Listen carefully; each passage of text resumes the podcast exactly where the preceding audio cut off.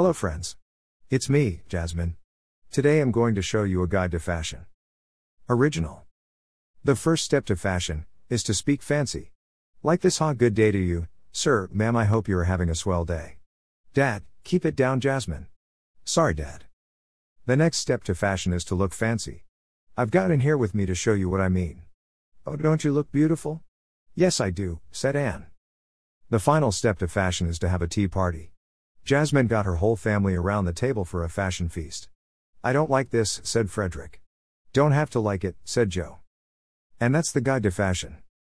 In our next adventurous short, How I Play a Video Game.